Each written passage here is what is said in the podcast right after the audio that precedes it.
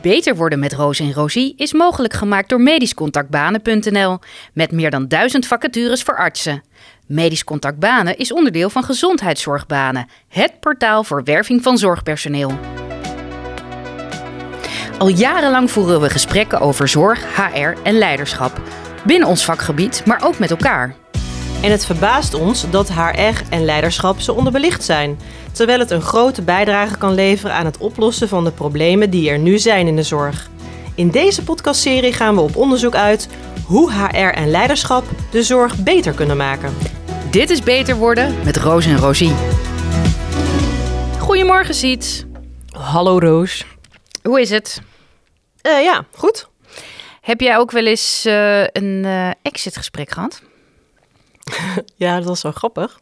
Toen was ik uh, radioloog in opleiding in het OLVG. Maar tegenwoordig moet je zeggen OLVG Oost. En dan was ik voorzitter van de artsassistentenvereniging. En toen had ik bedacht dat het wel belangrijk was dat er exitgesprekken zouden komen. Je voelt hem al aankomen. Jij ging zelf weg. Ik moest zelf natuurlijk als eerste aan de bak daarin. Toen het eenmaal ingevoerd was. Want van, vonden ze ook wel een goed idee bij het Leerhuis Teaching Hospital. Dus was ik als eerste aan de bak. Maar wat je dan vervolgens krijgt natuurlijk. Want hoeveel mensen stromen er nou uit als AIOS radiologie die dan hun opleiding afgerond hebben per jaar? Nou, laten we zeggen max twee. Nou, dus dan weet de opleider meteen als hij dat terugkrijgt. Dat is Sietske. dat is het exitgesprek van Sietske. Dus ik kreeg dat ongeveer letterlijk in de speech tijdens het afscheidsdiner terug. Wel een positieve zin. Hij positieve zin hoor. Maar uh, ja, dus ik zat er een beetje in van. Ik hoop dat de mensen na mij uh, hier iets aan hebben. Niet dat ik een vervelende opleiding heb gehad hoor, maar meer van ja, in de toekomst tips en tricks. Dus dat kreeg ik toen letterlijk terug. Dus dat is meteen ook een uh, probleem misschien. eh. En met wie had jij dat uh, exitgesprek toen? Met een onderwijskundige van het leerhuis. Oké, okay. ja. Dus dat was dan iemand. Dus niet van HR. Het leerhuis viel bij die organisatie niet onder HR. Ja, goede vraag. Ik zou zeggen nee. dat is LD. LD valt onder HR. Ja, nee, volgens mij. Uh, Oeh. Misschien is dat per ziekenhuis anders, maar ik, die indruk had ik toen niet, laat okay. ik het zo zeggen. Dus een neutrale, een neutrale partij. Ja. Ja. Um, want onze, onze brievenschrijver van deze week werkt in HR. Uh, ah, en, leuk. En heeft een, uh, een vraag gesteld over exitgesprekken. Ik zal de brief even voorlezen. Beste Roos en Rosie. Ik werk in HR in een academisch ziekenhuis en we hebben een groot probleem met het verloop. Nu heeft de Raad van Bestuur besloten dat HR met elke vertrekkende medewerker een exitgesprek moet voeren en er een analyse moet komen waarom mensen weggaan. Dit gaat betekenen dat ik zeker aan het eind van de maand een groot deel van mijn tijd kwijt ben aan het voeren van exitgesprekken, terwijl ik eigenlijk al weet wat de antwoorden gaan zijn: werkdruk, cultuur en weinig waardering. Ik vind het de zonde van mijn tijd om deze gesprekken te voeren en ook nog eens allemaal negativiteit over me heen te krijgen. Wat vinden jullie hiervan en kan ik hier onderuit? Groeten. Oké, okay, interessant. Um, ik denk niet uh, dat ze onderuit kan. Ja, ik weet, niet, ik weet niet hoe jij erin staat, maar soms heeft een bestuur ook uh, data nodig, gegevens nodig om vervolgens iets op een ander uh, vlak te kunnen ondernemen. Ja, ik denk, nou misschien moet eerst even de, zou ik de Ja, klacht. De, ja. de klacht eh, is, is volgens mij, deze persoon moet veel exitgesprekken voeren en dat kost veel tijd en energie. En eigenlijk weet, uh, weet de persoon al wat eruit gaat komen. En de diagnose is dan, exitgesprekken zijn beperkt nuttig en mosterd na de maaltijd. Ik denk, ik zet hem even, ik zet hem even scherp Ja. in. Nee, heel goed. Ja, eh, nou ja, het is wel zo. Als het op je exitgesprek uit moet draaien, dan is er daarvoor misschien, hè, ligt eraan waarom je weggaat, iets niet goed gegaan. Ja, en dat ligt er natuurlijk aan waarom mensen weggaan. Dus Mhm. aan de andere kant, in wat jij, wat jij net zei over de raad van bestuur. Ja, die kunnen natuurlijk wel teren op de ervaring van professionals, zoals deze persoon die Mhm. in HR werkt. Maar voor de argumentatie is het natuurlijk ook belangrijk dat je data hebt. Ja. Ehm, en kun je er onderuit? Dat weet ik. Dat, ik denk niet dat je eruit kan om exitgesprekken te voeren als eh, de raad van bestuur dat denkt nodig te hebben. Ik denk wel dat het belangrijk is dat de Raad van Bestuur in samenwerking met het hoofd HR bepaalt Mhm. welke informatie willen we precies Ja. hebben. En zijn het voeren van exit-gesprekken daar de oplossing voor?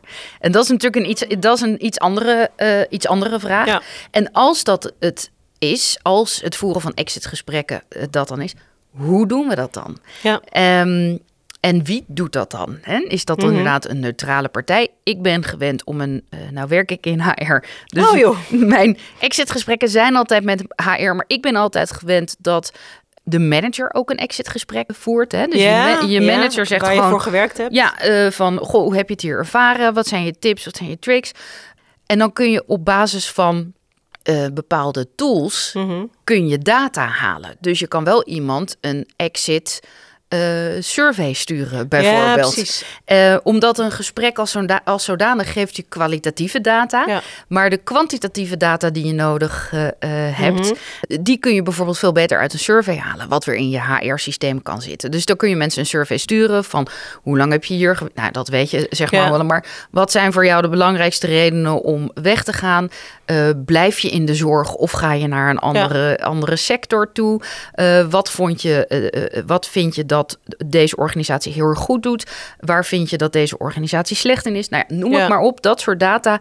ja, Vind ik een gesprek niet zo veel waarde toevoegen, kun je beter in, dan kan HR beter inderdaad de tijd gebruiken Ja. om ehm, de data te analyseren. Ja, de ja. survey te maken en de, en de data te Mhm. analyseren en daar plannen op te Ja. maken.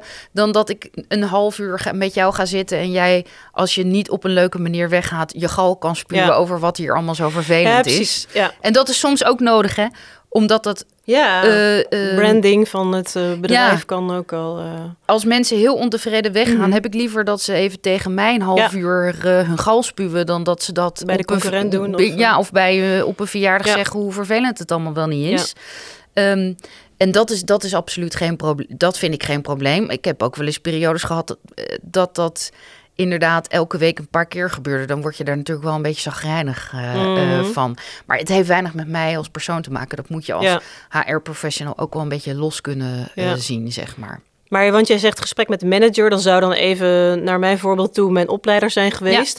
Nou kan je verklappen dat je daar niet alles tegen zegt, want het wereldje is zodanig klein dat je Ja. ook weer zo iemand nodig hebt. De mensen gaan niet het achterste van hun tong laten zien, bijvoorbeeld. En anderzijds denk ik ook dat het inderdaad belangrijk is natuurlijk, want mensen gaan natuurlijk vertellen van eh, ik, ik heb daar gewerkt en eh, nou ja goed, bij mij li- liep het dan af, want mijn opleiding was klaar. Maar het is natuurlijk ook fijn als ik dan positief praat over de plek waar ik ben opgeleid en door de welke mensen, et cetera. Dat is natuurlijk wel in het belang van de organisatie nadien. Ja, Dus misschien Nou, kan weet zo'n dat- gesprek daarbij helpen. Precies. Dat iemand een soort van fijn gevoel... eh, Nee, dat. En ik denk dat het heel erg goed werkt om ook een open gesprek met elkaar te voeren. Ook over de dingen die helemaal niet zo leuk waren. Net zoals je dat in je, eh, in je privéleven wel eens hebt. Hè? Dat je tegen je eh, tegen ook. eh, Maar dat is dan gaandeweg. Ik bedoel, als het op het, op het, op het extra gesprek moet uitkomen, dan denk ik, dan heb je ergens Ja. een aantal evaluatiegesprekken gaandeweg gemist. ja, je kan zeggen van ik vond dit, dit, dit ontzettend slecht. Maar je kan aan het einde van de rit ook zeggen. Ik denk echt dat het, dat het jullie als vakgroep en de opleiding gaat helpen als je dit, dit en dit verandert. Dan zeg je precies hetzelfde. Ja. Alleen het is, en dat, dat heeft ook te maken met hoe zend je iets en, en hoe ontvang je iets.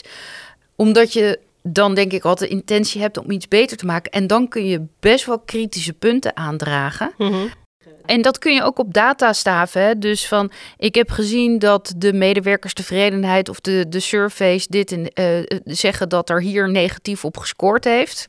Dan haal je het even buiten Ja. jou als persoon. Nee, want die zijn er wel Ja. hoor. Je hebt inderdaad eh, vooral eh, artsassistenten in opleiding bijvoorbeeld. Die moeten dan, eh, heb je de, di- ik weet niet of die nog bestaat hoor, maar ik heb destijds de direct en de, die staat, bestaat sowieso nog wel, de set Q ingevuld.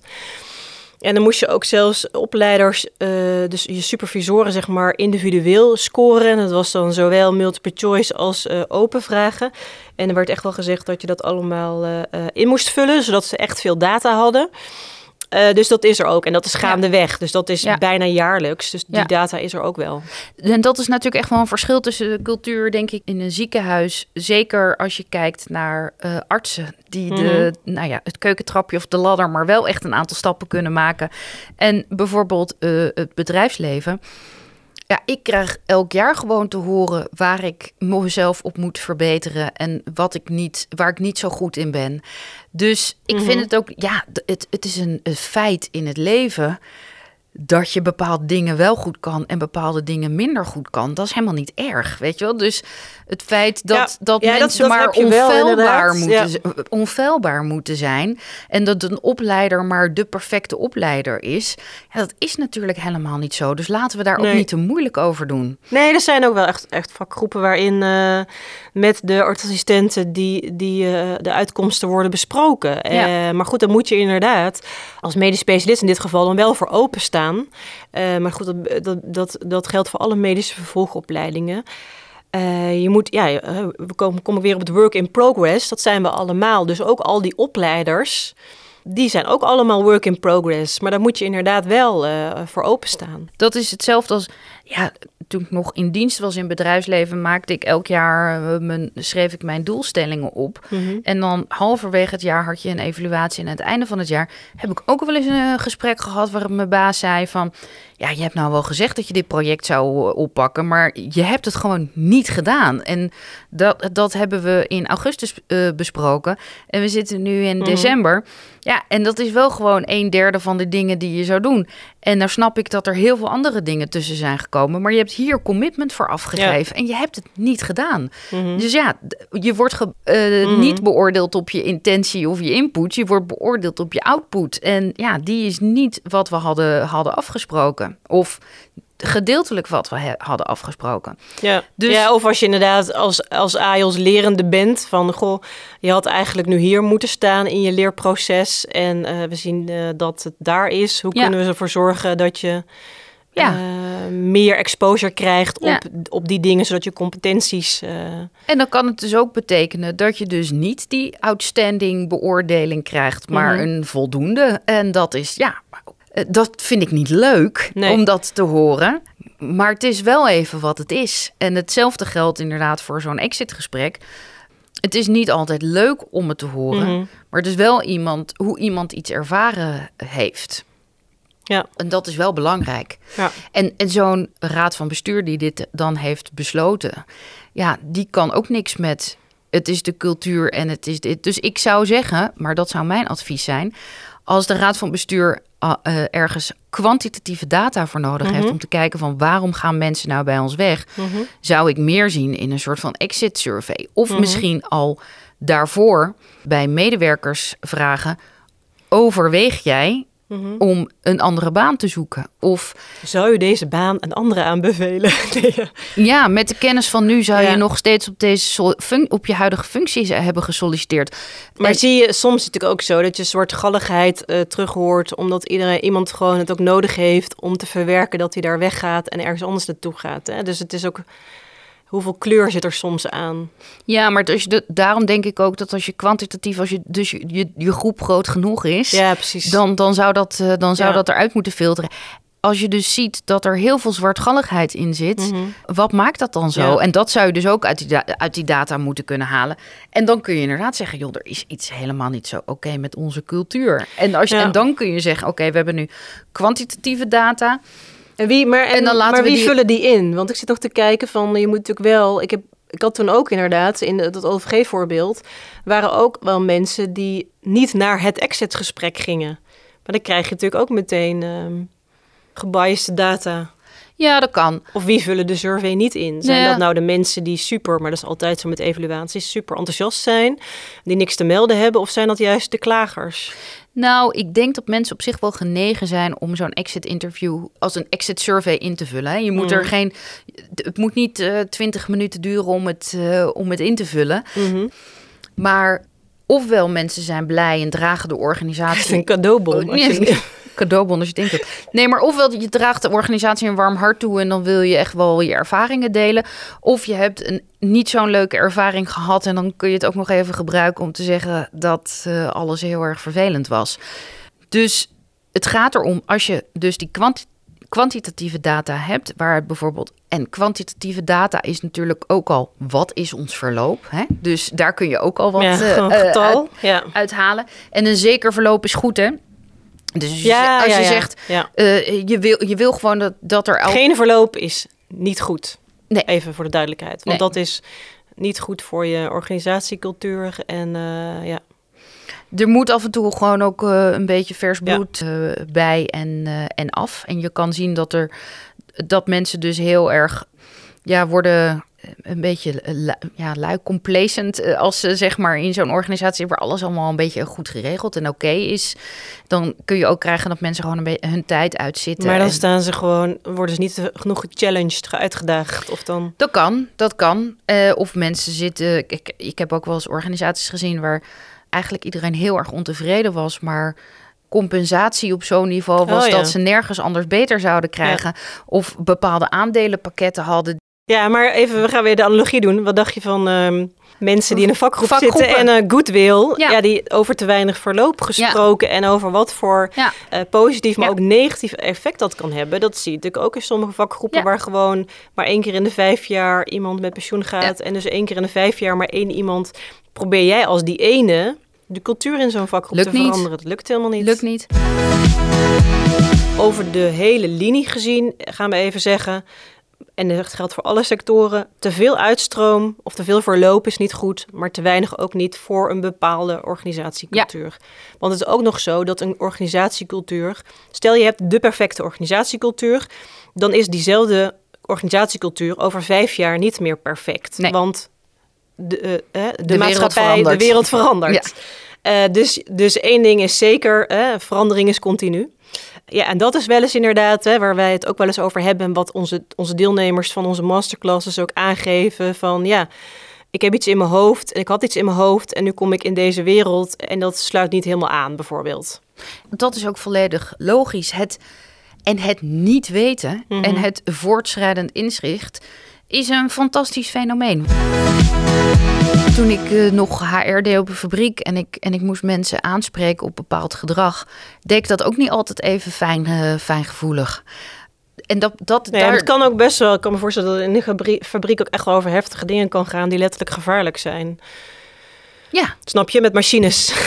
Ja, ik, ik, heb, ik, heb, Ja. ik heb ook wel eens een, eh, weet je, ach- achterin een politieauto gezeten om aan te bellen bij je moeder dat er, eh, dat er zo niet meer thuis kwam. Ja, Ja. dat zijn niet, eh, nou ja, als het om, om dat soort dingen gaat, dan... dan... dat zijn geen fijne gesprekken Ja. om te hebben, kan ik je vertellen. Nee. Dat, dat is niet leuk. Dan is empathie natuurlijk heel erg, Ja, ja, heel ja, erg belangrijk. Maar even in de aanloop daar naartoe, je moet dus zorgen dat, op de, dat dingen gewoon goed gaan. En als, als iets gevaarlijks dreigt te gebeuren of ja, en daar mensen zijn dus ook komen de kwaliteits, eh, eh, Nou, veiligheidsdingen niet na. Ja, dus we hebben bijvoorbeeld, eh, zeker ook in Nederland is die regelgeving iets anders, maar we hebben wel echt mensen gehad die dan in het buitenland onveilig gedrag vertoonden en daarbij bijvoorbeeld een vinger verloren, omdat ze met in, in draaiende Letterlijk appara- onveilig let- gedrag, ja. let in draaiende apparatuur, Mhm. terwijl mensen erop getraind zijn, het overal staat. En dan is het van, ja, wat moet er dan mee gebeuren? We, dit, mensen werden dan in het buitenland ook wel vaak ontslagen. En ik kan zeggen, dat is heel zuur, want Mhm. die persoon is al genoeg gestraft. Maar je moet dus heel duidelijk zijn in het Ja, scheppen van je kaders. Naar de van- andere toe ook. Naar de andere toe. Onveilig gedrag wordt niet getolereerd. Mhm. Dat is wel een hele eh, in complexe stappenplan. Hè? Dus het wordt niet zo gezegd van jij doet iets wat niet mag en je gaat eruit. Maar dat komt voor dat je dan alsnog dat soort moeilijke Ja. beslissingen moet nemen. En dat kun je ook op een empathische manier doen. Sterker nog, dat moet nog. Maar je hebt ook min dingen die veel impact hebben. hebben bijvoorbeeld pestgedrag eh, op, eh, Mhm. op de werkvloer. Ja, als er een, ehm, een volwassen man is die jarenlang elke dag de lunchtrommel van zijn collega leeggooit in de, in, de, in de prullenbak, weet je wel. Ja, dan heb ik daar niet zoveel... eh, Compassie dan, voor. Dan, dan, dan is dat een iets minder empathisch gesprek. Ja. Dan vallen er wel eens harde woorden. Over dat soort dingen hebben we het. Mhm. En het is dus heel erg belangrijk dat je dus de ene persoon met wat meer empathie Mhm. eh, benadert dan de ander Mhm. in sommige gevallen. Maar heb je wel eens eh, tijdens exitgesprekken of exit surveys dingen ontdekt waarvan je dacht, oh, dit wist ik echt niet. Het komt echt even heel verrassend binnen. Mm, dat kan dus. Maar goed, het idee is dus, waar we het nu over hebben, dat je tussentijds genoeg gesprekken met mensen hebt. Naar aanleiding van ehm, niets of naar aanleiding van situaties. Nee, niet, maar wel dat, ehm, dat ik me erover verbaas. En dat heeft ook weer, denk ik, met mentale weerbaarheid te maken.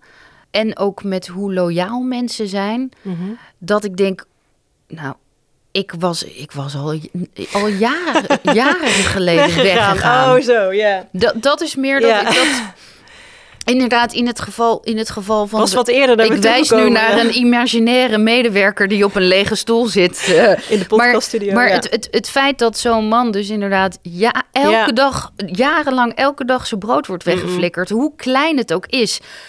Maar dat heeft natuurlijk een enorme Ja, impact. Dat je dat, ik denk dat ik die, de man misschien wel gewoon, een, een, een- nou ja, ik daarom ik ben ik het type er ook niet naar, maar ik denk dat ik iemand gewoon een keertje op zijn bek had geslagen. Of- Ja. Maar het is gewoon zo zuigen, zeg maar. Ja. Dus het feit dat hij dat jarenlang gepikt heeft en uiteindelijk ben ik heel blij mee. eh, mij dan in vertrouwen heeft genomen eh, Mhm. om dat eh, te vertellen, te ja. vertellen. Ja, dat soort dingen wel. Ja. Dat, is, dat, soort, eh, dat verbaast me eh, meer.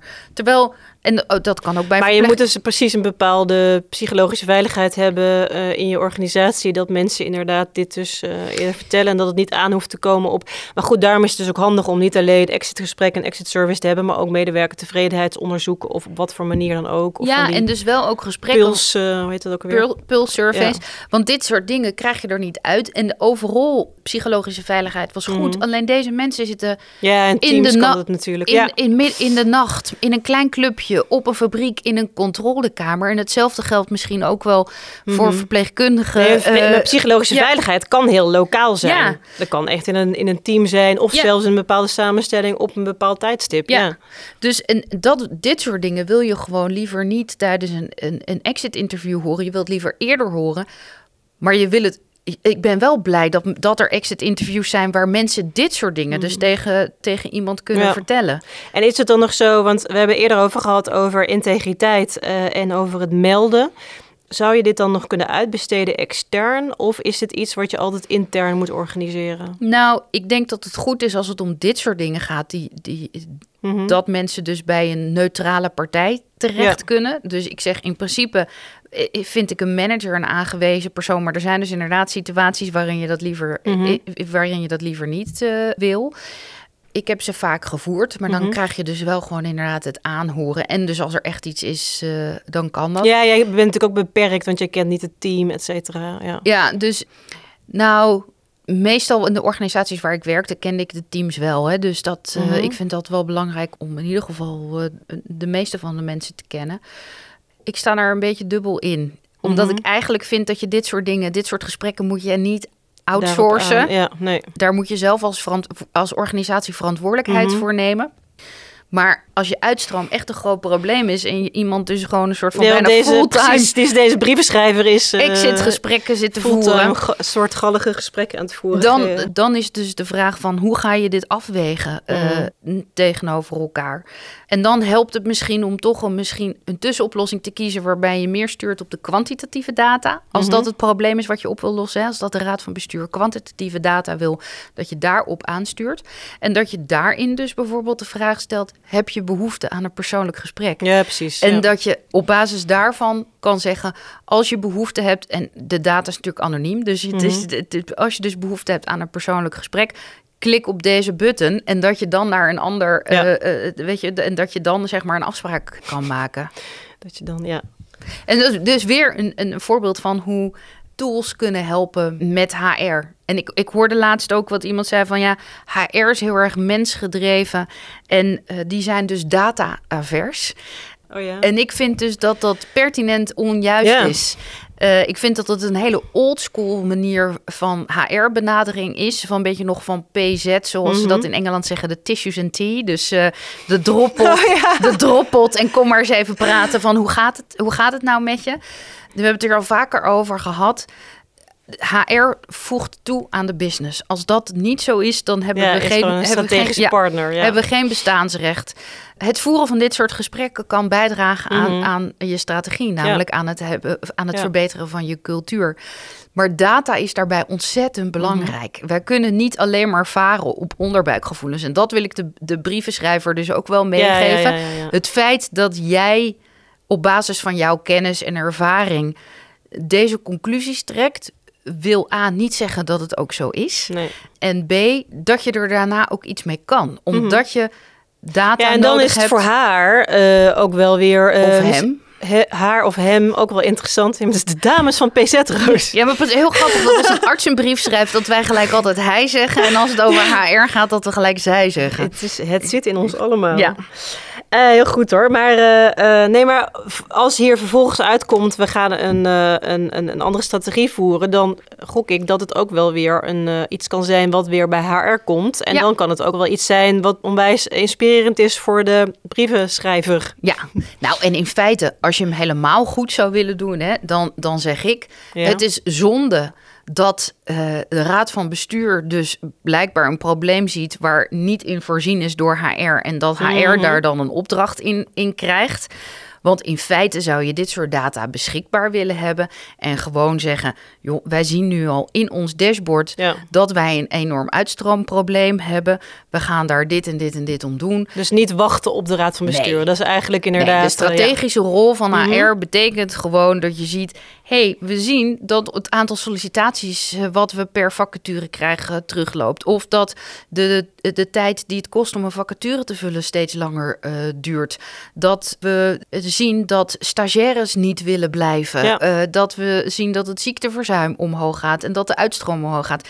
Dat zijn allemaal hele grote eh, Mhm. culturele rode vlaggen waar we iets mee moeten doen.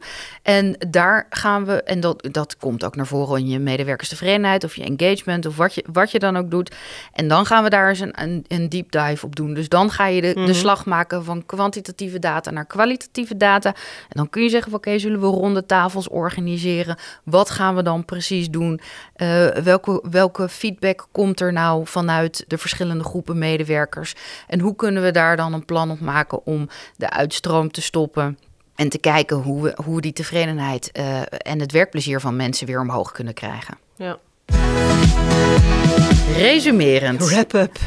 Nou, de, de klacht was, ik moet heel veel gesprekken voeren, exitgesprekken voeren. En eh, mensen praten vooral, eh, het is negatief wat ze te vertellen hebben. Ehm, en de vraag inderdaad van, is het dan belangrijk om dat te doen? Ehm, nou, ons antwoord zou zijn, het is wel belangrijk om data te hebben om als HR-afdeling, maar misschien ja, als het zover is gekomen dat de raad van bestuur degene is die het op heeft gepakt, eh, om data te hebben om je strategie te veranderen. Ja, en daarnaast dus kijken van hoe komen we aan die data? Dus hoe kun je ervoor zorgen dat jij als HR-persoon zelfs waarde toevoegt Mhm. en niet alleen maar data aan het vergaren bent. Die kwantitatieve tak te zorgen dat je daar een goede tool voor hebt. Praat met mensen die daar behoefte aan hebben eh, en voer daar eh, de gesprekken mee. En zorg er uiteindelijk voor dat het naar een plan toe werkt waarbij je daadwerkelijk de organisatie beter maakt. Want doen informatie ophalen en er vervolgens niks mee doen is zonde van ieders tijd. Kijk, nou, mochten jullie over dit onderwerp of andere onderwerpen of nieuwe onderwerpen vragen hebben of suggesties voor onze nieuwe podcastafleveringen, dan kun je een mail sturen naar info@roosenrosie.nl en N is nog steeds uitgeschreven EN. En mocht je denken van wat doen Roos en Rosie nog meer, dan kun je op onze website kijken welke masterclasses wij voor jou kunnen maken en wij zelf organiseren waar je op in kan schrijven. Dat is www.roosenrosie.nl. Dan wensen we je nog een hele fijne dag en bedankt voor het luisteren. Dit was Beter Worden met Roos en Rosie.